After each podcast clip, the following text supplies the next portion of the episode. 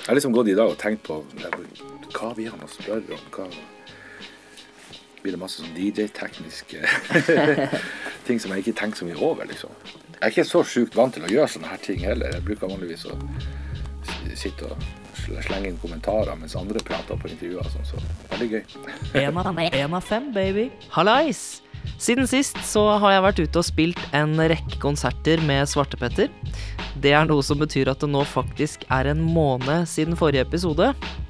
Jeg har eh, et par episoder liggende også, som jeg må skru litt lyd på, så jeg skal prøve å få ut fingeren og slippe episoder litt mer regelmessig.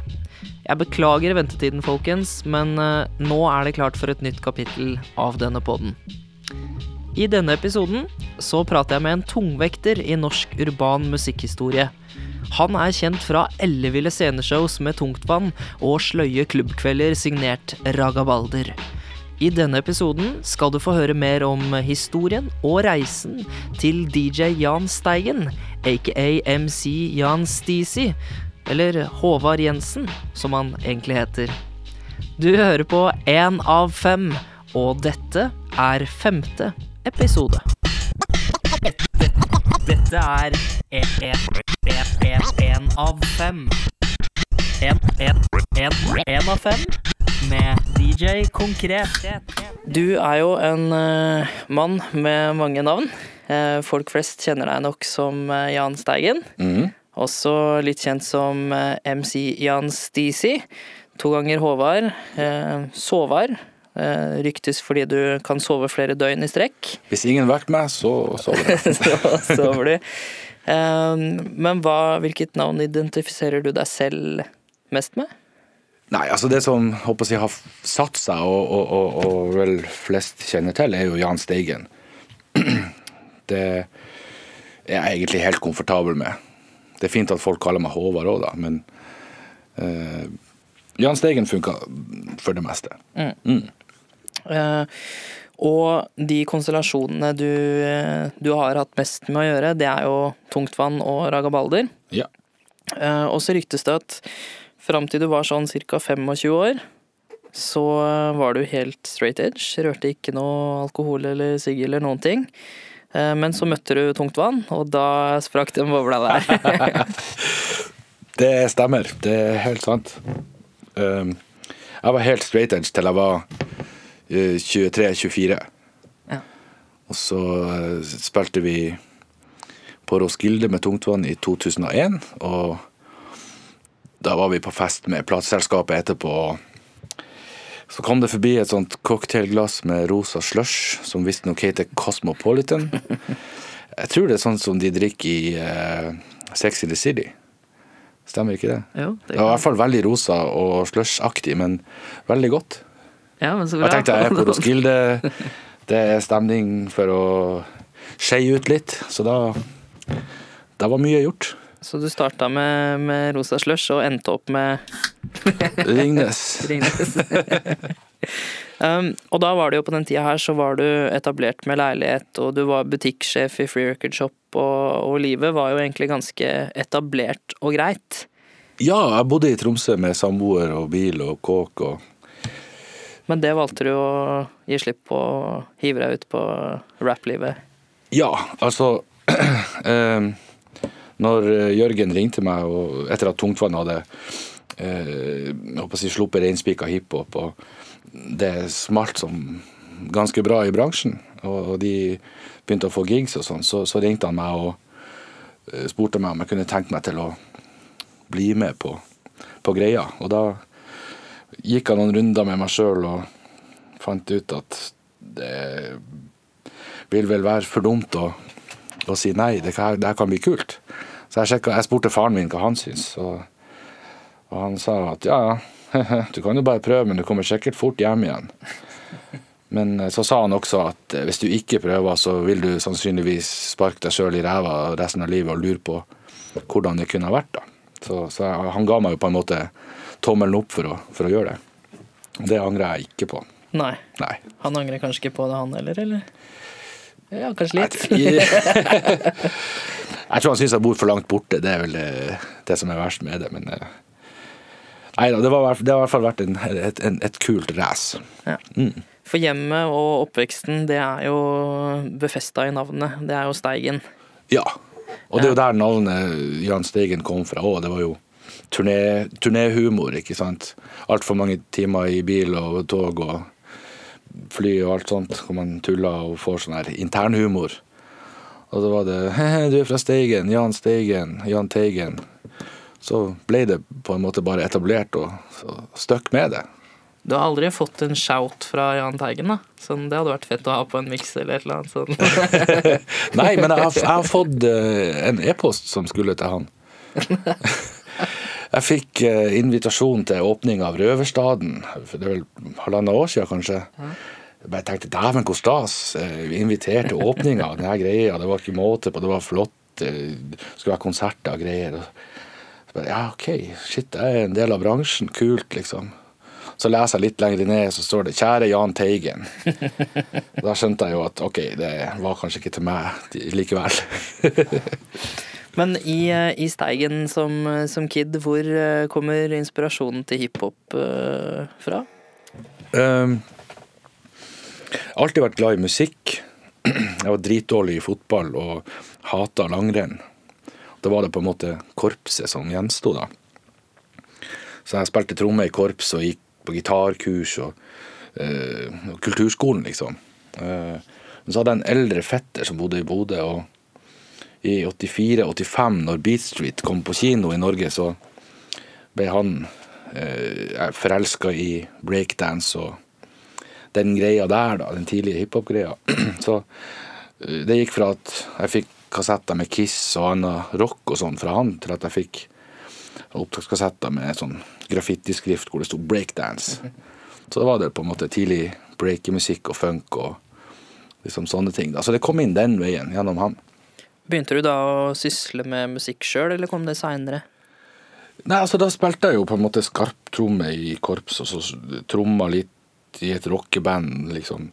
Eh, ja. Så langt som man kunne ta det på, et, på, ei, ei lita bygd, da. Men så når jeg var 13 og begynte å gå på ungdomsklubben, så var det liksom DJ-gruppa. Der fant jeg min plass og mitt utløp. og hva, hva, slags utstyr var det DJ-gruppa hadde til rådighet? Uh, du vet, du vet de doble CD-spillerne med to sånne skuffer og så et sånt eksternt panel ja. som monteres i rekk. Det var et sånt oppsett, og så var det en, en direktedrevet platespiller som Den heter bare Disko 4000. Og så en gammel Atlanta-mikser med VU-meter med sånne nåler på. Ekko-switch og sånn. Så leka vi mye med den. Og da, da var eh, DJ-spiren født? Ja, ja, det var rett og slett det. Uh, året etterpå så skulle jeg til, til kjeveortopeden i Bodø. Da hadde jeg fått med meg 400 spenn fra mora mi for jeg skulle kjøpe meg ny bukse. Jeg hadde vært på bruktbutikken i Bodø og sykla på en sånn Disko 4000-platespiller som, som, hadde stått der dritlenge. Jeg har vært og sett på den mange ganger.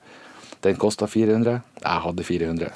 Så jeg kom hjem uten bukse, men med en sånn platespiller. Og den har jeg stående på DJ-bordet mitt hjemme i stua den dag i dag. Det er ikke verst. Var mor fornøyd da, eller når du kom hjem med en platespiller under armen? Nei. Nei. Det var hun ikke. Og heller ikke fornøyd med at jeg herpa de den lille platesamlinga de hadde. Med de første spede forsøkene på scratching òg.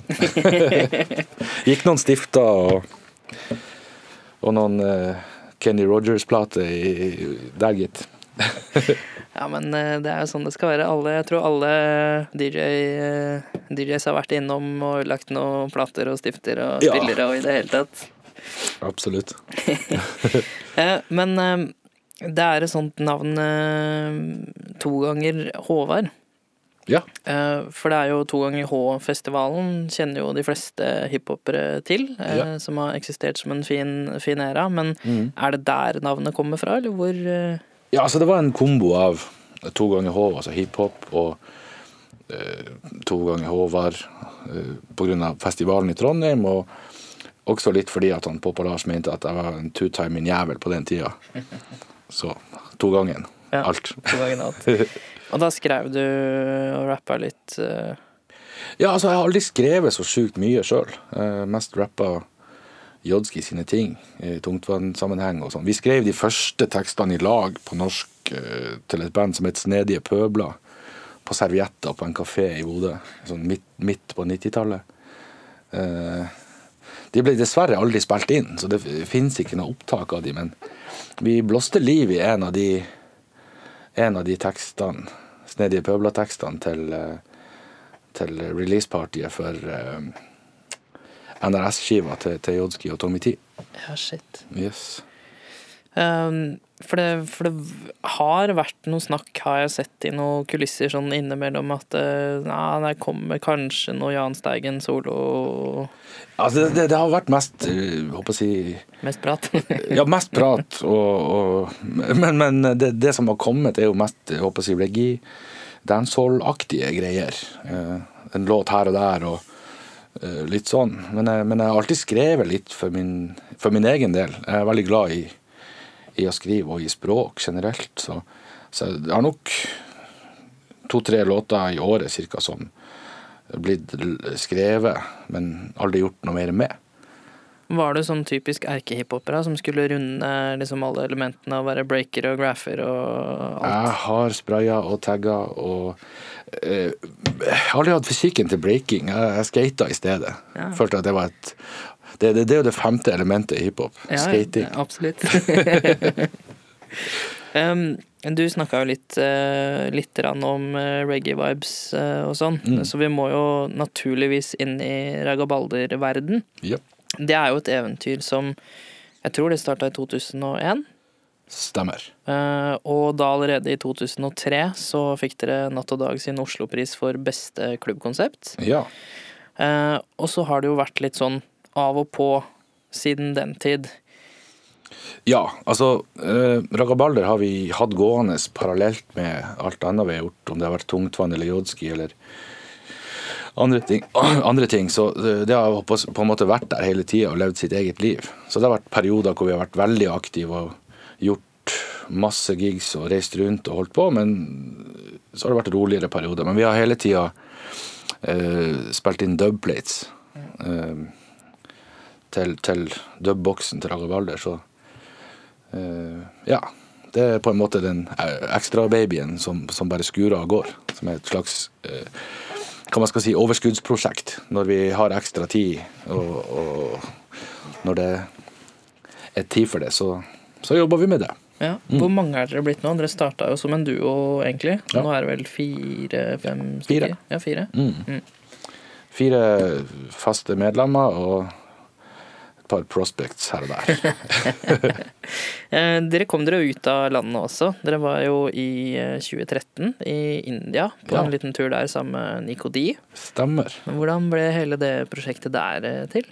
Det ble en slags sånn utvekslingsting mellom håper å si oss og, og, og det, det, det, det, som var at det kom det første indiske soundsystemet, Reggie Rajas, og en artist som het Delhi Sultanet og en kvinnelig artist som het Begum X, som skulle til Norge, visa fram. Og de lurte på hvem de skulle snakke med og sånn. Så kom de i kontakt med oss, og vi putta dem på, på Jøger på Jeger. Spilte sammen med dem, og det var kule folk med de riktige holdningene og den rette flammen bak det de drev med. da. Så det var god stemning. Og så ble vi invitert til India, da. Så vi var og gjorde fire byer, fire gigs eh, i India med Nico Di som artist. Mm. Og der må dere vel uh, ha opplevd et eller annet uh, sprøtt som dere ikke kommer til å kanskje oppleve igjen? Magesjau og kyr i veibanen og sånt, f.eks. Uh, nei, det var veldig forskjellige typer, typer gigs, liksom, og forskjellige steder. Men det var det som håper jeg, slo meg i hvert fall underveis, var at folk var sjukt glad for det de fikk eh, servert. Det var på en måte topp stemning i alle fire plassene. og eh, Jeg husker særlig ene, det ene stedet som heter Puna. Det var en studentby, hvis jeg ikke husker helt feil. Hvor det var en svær utendørsklubb med en sånn rund scene og masse glade folk og tropisk topp, topp stemning. Og Goa, da. Eh, der fikk vi spilt kvarter 20 minutter før politiet kom og stengte ned festen fordi at arrangøren hadde ikke bestukket det lokale politiet hardt nok.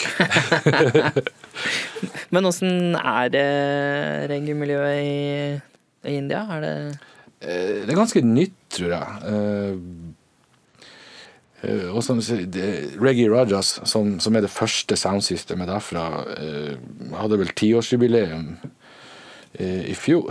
Sånn at det er ganske ungt, eller hva man skal si, ferskt miljø. Men eh, jeg tror hele den indiske viben er veldig riktig for reggae-musikk og si, den stilen og holdninga som det fører med seg. Eh, året etter dere hadde vært i eh, India, så droppa den eh, utrolig rå dobbeldekkeren, kan man nesten si, med ragabalder i rødt, hvitt og blått. Ja. Eh, og den var jo stappfull av dubplates med ikke bare holdt på å si norske eh, og utenlandske hiphop-artister, men også litt sånn rockere og Ja, altså vi, vi har alltid gjort soundsystem-greia på vår egen måte. Uh, å si tolka det som vi er bønder fra Nord-Norge. Vi er ikke fra Jamaica eller fra London, liksom.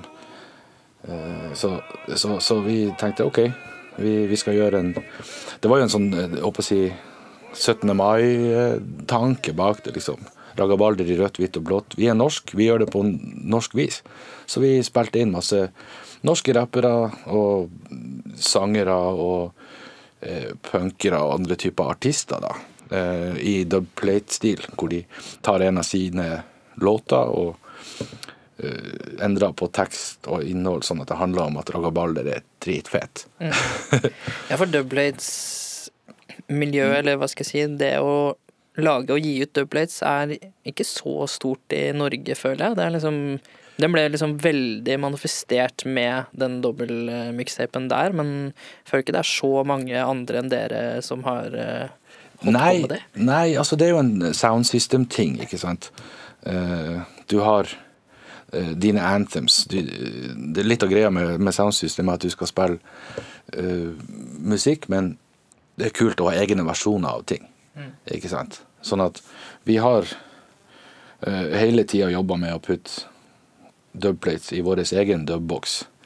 Så at man har Jo, man har de kuleste versjonene av, av låter til artister, da. Så uh, vi fikk jo blant annet Tuva fra Valkyrien Allstars med på å gjøre, gjøre en versjon av Tanja Stevens sin eh, It's a Pity.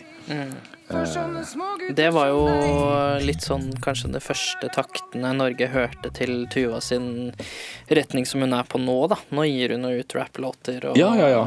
Ja, det var spesielt òg, for at, eh, vanligvis så er det liksom sånn man gjør flere takes og stopper og picker opp derfra, og sånn og sånn, men hun insisterte på å gjøre hele dubpliten i ett take. Og det gjorde hun Jeg tror hun brukte to-tre forsøk, og så knerta hun hele greia, liksom. Så. Jepp. Skal gjøre det ekte. Ja, ja, ja. Skal ikke være noe tull.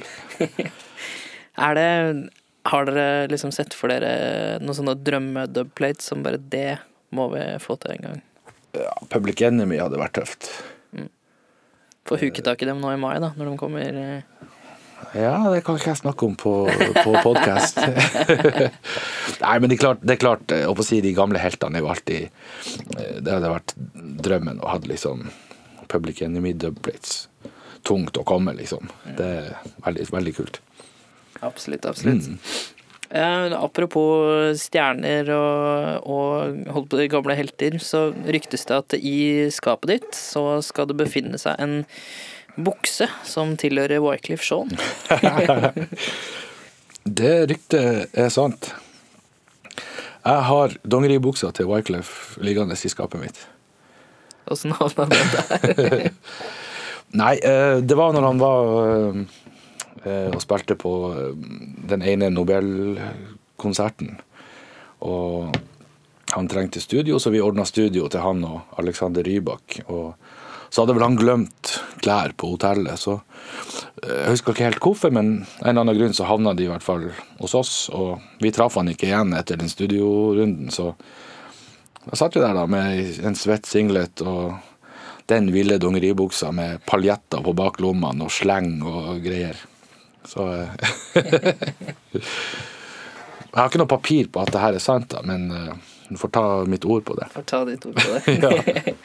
Em, har du Har du liksom møtt eh, Møtt et menneske eller en artist som har vært sånn Nå har jeg møtt et idol som faktisk gjorde meg litt starstruck.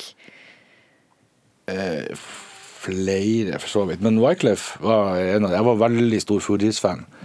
Og, og mye på grunn av de, de reggae-influensene som de alltid har hatt i musikken sin. Så, så når vi håper å si, fikk han i studio, han sto, sto og sang inn Raga Balder Dubplates, da var jeg ganske skjelven i buksa, for å si det sånn. Eh, ellers er det jo kult å, å å si, møte folk man har sett opp til eh, i årevis. og eh, ja, artister som man ser på som håper å si, uoppnåelige og, og svære, som, som viser seg å være hyggelige folk som vil lage god musikk. Men, men eh, dette med reggae-vibes, da. Mm. For det er jo absolutt eh, så til de grader eh, til stede i Ragabalder Ja. sine prosjekter. Men hvor kommer den influensen fra? Um, det er jo Bodø, Nordland igjen. Altså Bjørn Jervås, rest in peace, som eh, eh, var frontfigur i Irie Darlings og senere Manna. Som har vært en, en, en ledende skikkelse i musikkmiljøet i Bodø i, i alle år. Han fora oss med Eller Jørgen først, da. Kassetter med, med Ninja Man og uh, Bounty Killer og liksom Oi, dere hører på rapp, ja? Ja, det skal dere høre skikkelig gangstermusikk, liksom. Så det kommer på en måte litt, litt eh, eller mye derfra, da, men også tidlig 90-talls hiphop òg, som eh, hadde en del sånne typer låter, altså med uh, Tiger og uh, Shabba Ranks og liksom uh, Ja, jeg har alltid vært fascinert av den måten å rappe. Og, og, og antagelig like mye også den Britcore-bølgen med gunshot og ja, det er jo helt i andre enden igjen, da. Ja, men, men samtidig så er det den her eh, karibiske, eller patois-måten å snakke på og rappe på, og det går fort, og det er en kul dialekt, liksom. Det høres fett ut. Men åssen funker eh, reggae i Norge? Det må jo åpenbart funke til en viss grad, siden dere kan, kan peise på med ragabalder, men Eh, nei, det, det har si, vært sånne bølgedaler hvor det har vært veldig populært, og så mista folk litt, interess, litt interessen igjen, og så da, eh, Ja, det går litt opp og ned. Altså, folk liker det når de får det servert, men det kan være litt tungrodd å arrangere konserter og klubber og jobbe hardt med det, og så kommer det 70 stykker på en konsert hvor du syns at det burde ha vært 500, liksom. Men det er klart, det det vil, alltid, det vil alltid gå opp og ned, tror jeg. er det, finnes det noen type musikk da som du som eh, DJ aldri ville ha spilt? Det må være ting jeg ikke syns er fett. Uh, For du spiller bare ting du syns er fett? ja. Ja. Jeg tar meg den friheten, altså. ja, men det er absolutt bra, det. Mm. Uh, ja, altså Nei, det, jeg vet ikke helt hva jeg skal svare på det. Nei, du må, må, ikke, må ikke svare på det. Um, men eh, deg for din del, da, som eh, fikk skaffa deg denne Disko 4000-platespilleren. Ja.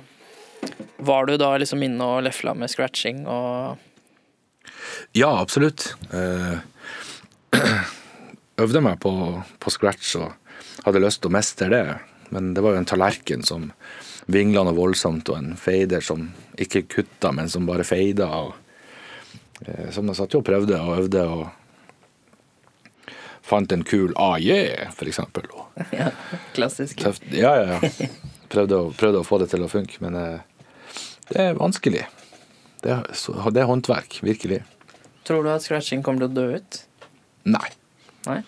Nei, det tror jeg ikke. Eh, Det er en såpass i hvert fall for meg og for si, min generasjon, en viktig del av hele, hele, kulturen. Altså det med fire elementer, at DJ-ing er absolutt en av de viktigste, eh, sånn i forhold til at det er der musikken kommer fra. Og eh, det tekniske aspektet med det òg, at folk blir så flinke at de kan manipulere setninger og ord og lyder og få det til å bare høres dødstøft ut. Det, hvis det kommer en rapplåt nå eh, med, med scratcherefreng, så blir jeg bare superhappy. ja, men det er fett. Mm. Det er fett å høre holdt på å si gamlegutta syns det, for det kan Jeg syns i hvert fall for min del at det kan virke litt som i Norge at nei, det er ikke så, er ikke så interessant lenger. Det er, mm. Nei, jeg tror, jeg tror Jeg tror folk blir litt um, Jeg håper å si De bryr seg ikke så mye om hvordan musikken blir spilt, så lenge den blir spilt. Mens de som er interessert og, og forstår det tekniske med det, og legger merke til små detaljer og finesser som blir gjort underveis, jeg tror de setter sjukt mye pris på det. Mm. Hva tror du skal til for å på en måte sparke litt større engasjement i, i DJ-Norge da innafor hiphop? Eh, for jeg føler jo Jeg føler at det er litt sånn nedetid nå. Det er ikke mm. så mange Hvis du tenker på hiphop-DJs. Det er ikke så mange av oss i Norge. Og det virker ikke som det er Altså, rett før jeg kjøpte meg platespillere ja. Jeg begynte veldig seint. Første spillere kjøpte jeg i 2011. Ja. Liksom rett før det så var det jo jævlig mange som holdt på. Mm. Og det var liksom jams og hele pakka, og så bare forsvant det, liksom. Ja. Eh, nei, jeg tror det som skal til, er jo eh, altså flere klubber som spiller som er dedikert til, til hiphop-kulturen, og, som, og som putter på DJs som faktisk spiller hiphop. Om det er eh, musikk fra i år eller fra 1993, det er ikke så viktig så lenge det blir spilt på den originale, ordentlige måten. Men det kan vel ha en sammenheng også med at eh, musikk er blitt, blitt, så tilgjengelig. At, at altså Se på kidsene i dag som får 150-200 nye låter inn på telefonen sin hver uke. det er sånn, De gidder knapt å høre 15 sekunder før de skipper til neste låt.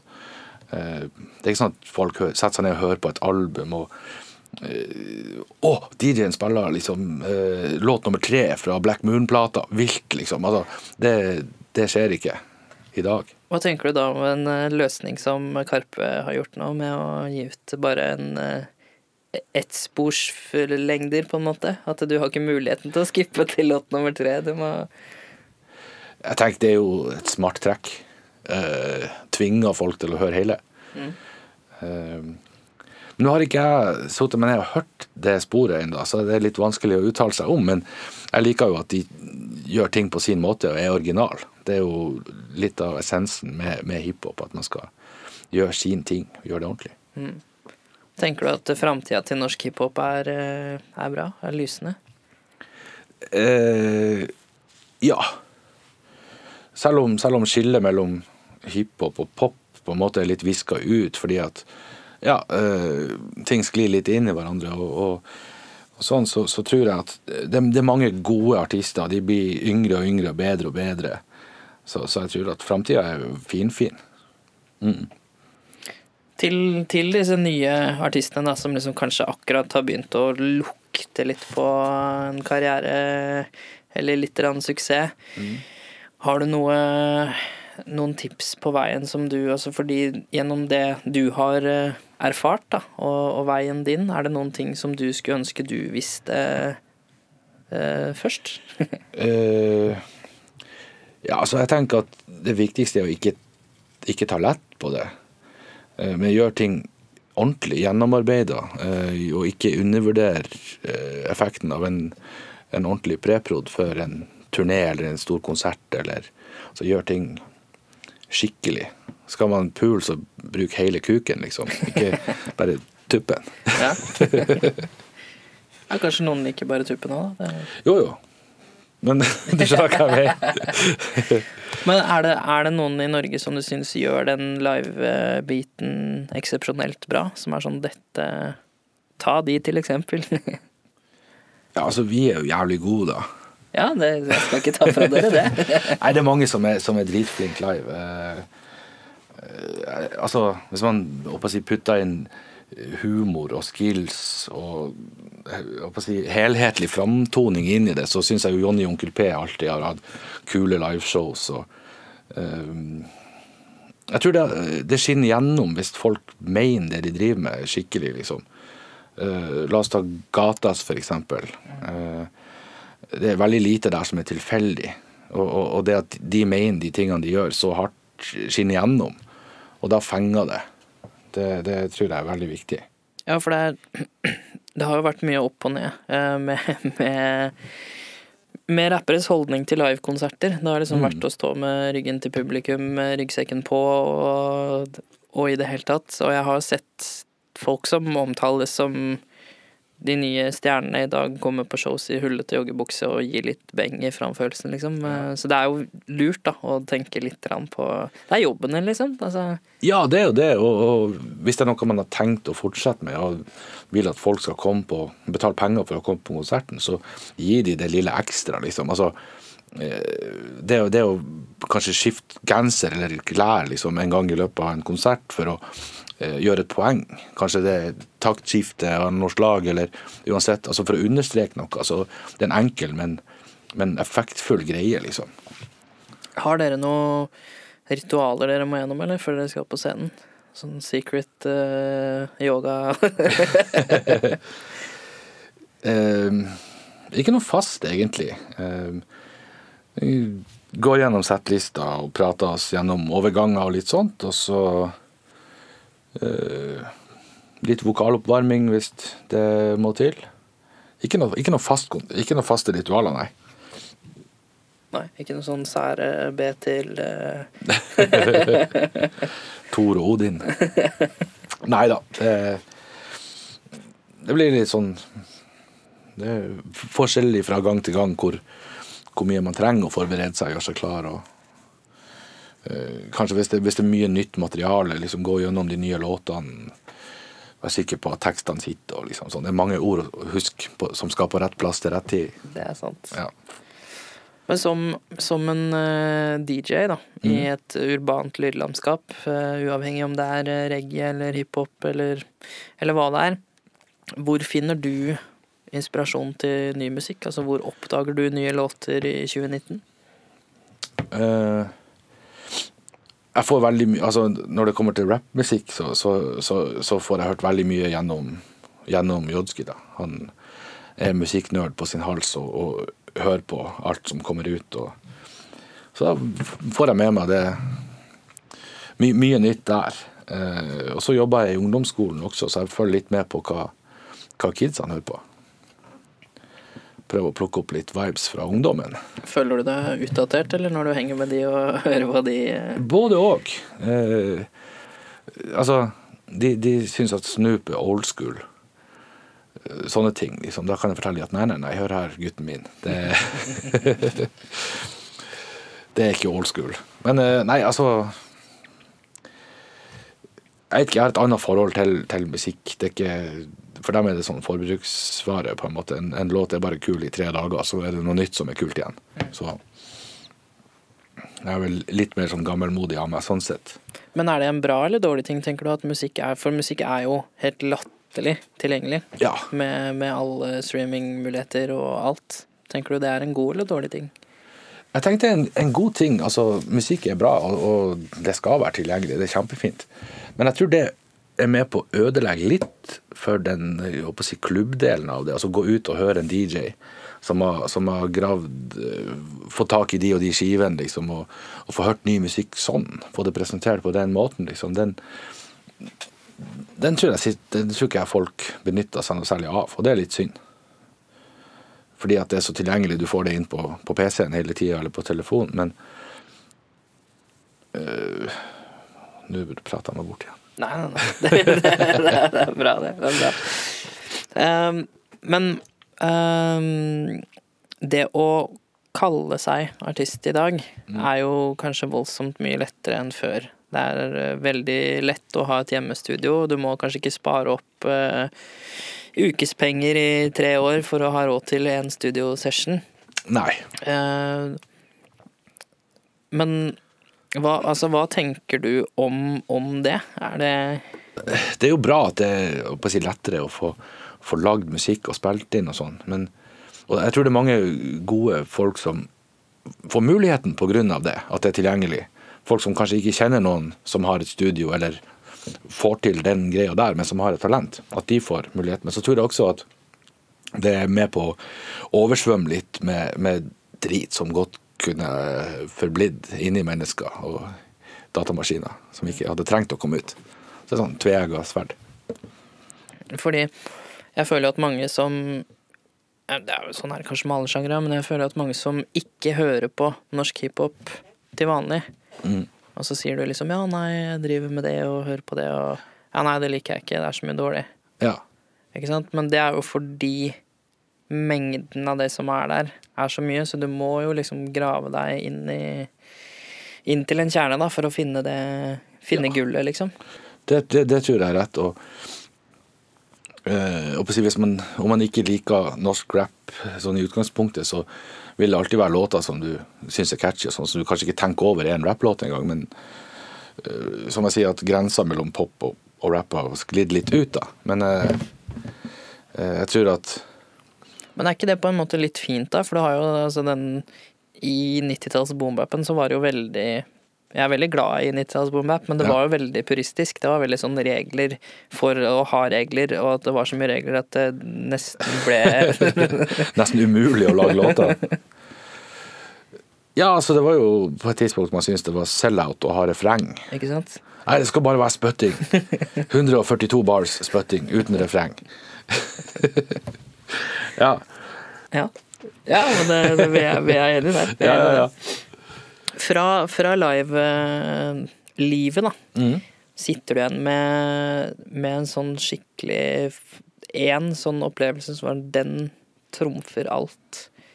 Um, vi har spilt veldig mange shows over veldig mange år. sånn at det, For meg, jeg har ikke noen sånn god sånn tidslinje. Så det går litt i surr for meg når vi har vært hvor og hvor hva har skjedd og sånn. Men den Roskilde-gigen, det var vel andre eller tredje tungtvannjobben jeg gjorde. eh, 2001 Ja. fortsatt det. Mm. Eh, Det var ganske monumentalt. Vi var langt hjemmefra, og det var sjukt mange folk. Og eh, liksom sitte og spise lunsj ved siden av Chemical Brothers, uh, som man bare har sett på MTV tidligere, var litt sånn her wow, shit. Så det brente seg godt inn i, i, i hodet. Ja, det skjønner jeg godt. Ja. Jørgen har jo Jørgen er jo en mann med mange interessante sitater, men han har sagt for noen år siden, og det husker jeg veldig godt Han sa at eh, nei, å spille på Roskilde, det Alle får til å spille på Roskilde. Du må bare ha noen som booker for deg og gidder å ta den telefonen. det syns jeg var så nydelig. Det, det er vel mye rett i det.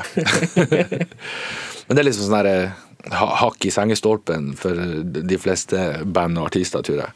Som spiller på de store, kjente festivalene. Absolutt. Er det noen sånne sorte hull-opplevelser da, som du bare sånn shit. Nei, nei, nei. Nei, ingen. Alt er bare fryd og gammen. Nei, det har jo vært eh, Det har skjedd ting underveis som kanskje ikke har vært så kult. Eh, Jo, eh, en av tungtvannturneene så spilte vi konsert i Svolvær, og så var, vi, var jeg på fest etterpå, og da våkna jeg i feil by eh, etter at flyet vårt var gått.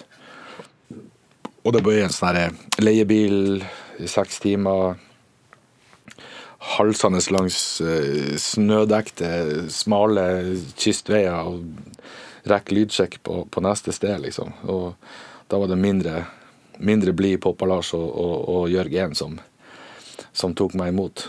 Så den ville jeg vært foruten.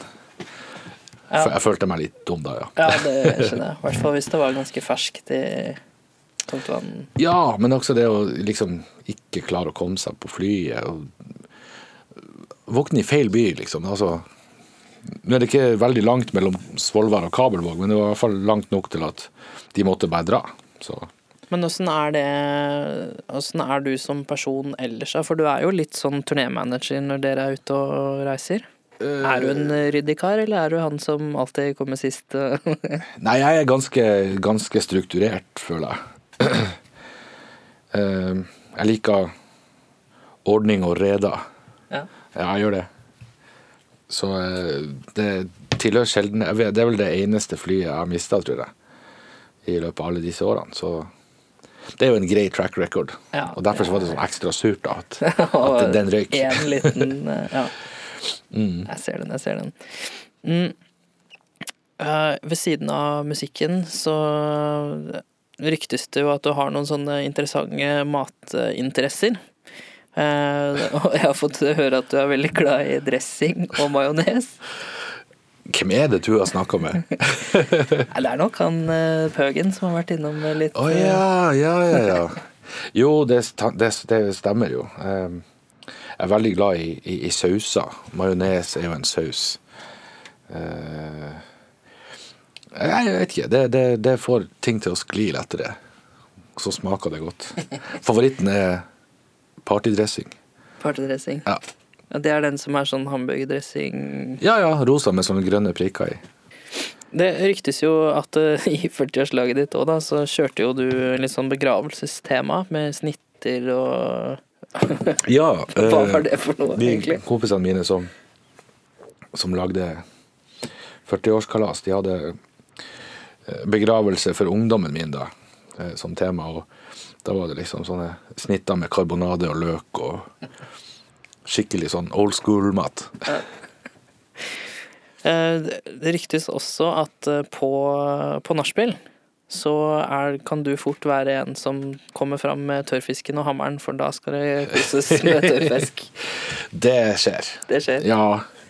Hvis jeg har tørrfisk eller fenalår, og du vet, særlig hvis det er søringer der, så- så kommer tørrfisken frem. Smak på på det her, få se! Tørrfisk er ganske godt, da. Så. Ja, det er det. Ja. Eh, jeg begynner å nærme meg bånd av, eh, av lista jeg har her. Ja.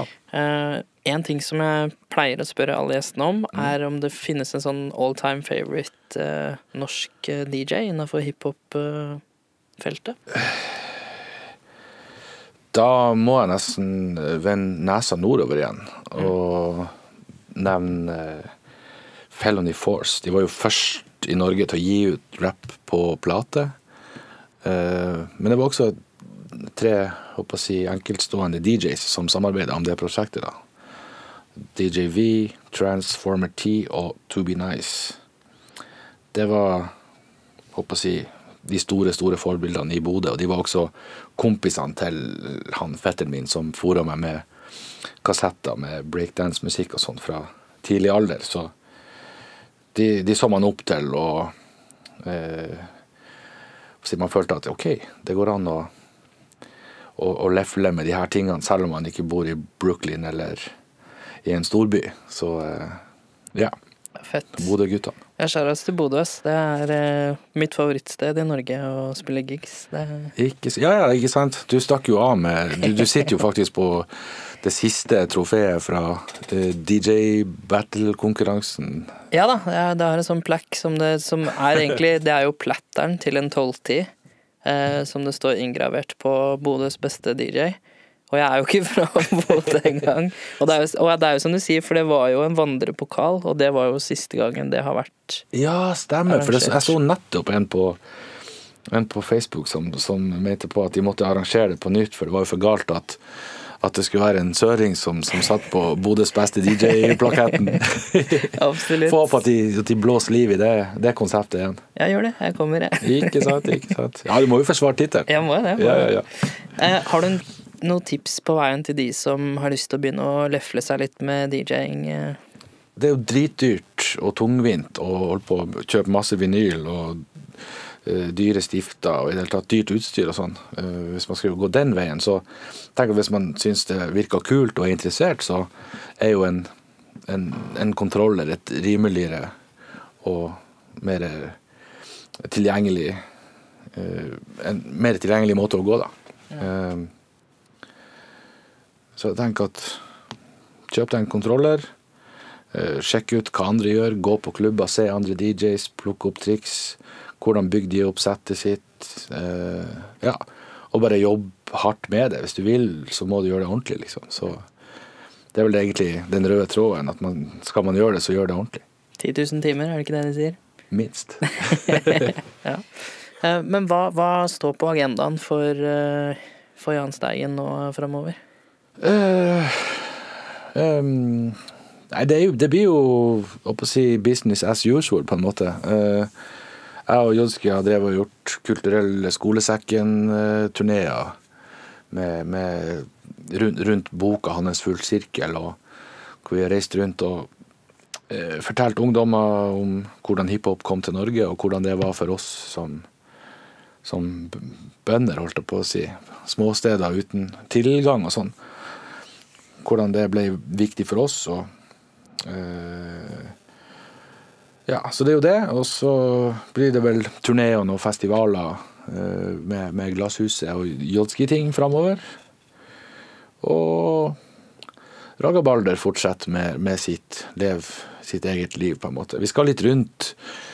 Eh, Vi skal til Trondheim nå om en måneds tid, og vi skal innom Fredrikstad og Drammen og prøve å misjonere litt, litt eh, gode vibes til folkene rundt omkring. Ja, men det er bra. Det er, så det er bare å se fram til. Ja. Kommer det noe annet enn Glasshuset? Noen utgivelser, noen mikser eller noe Noe som du kan snakke om? Eh, nei, ikke som jeg kan snakke om. Men det kommer mer ting, det, kan jeg si. Ja. Ja. ja, da er det bare å glede seg. Yes. Eh, er det noe du vil eh, shoute ut eller eh, plugge på slutten? Eh, ja, jeg vil shout ut uh, alle hiphop-folkene, alle reggae- og dancehall-folkene, alle som gjør positiv shit, og som står på og gjør greia si. Eh, selvfølgelig big up Jodski each and every time. Og ja, alle gode folkene som gjør bra greier, de, de fortjener en skjærhet. Rått. Yes. Kjærlighet på slutten der, altså. Det er yes. bra. One love. Yes, nei, men eh, Da sier jeg takk for eh, praten, jeg. Ja, takk for meg. Sound is made for killing, and that's just what it do. One of these days, Rockabilly's gonna murder all of you.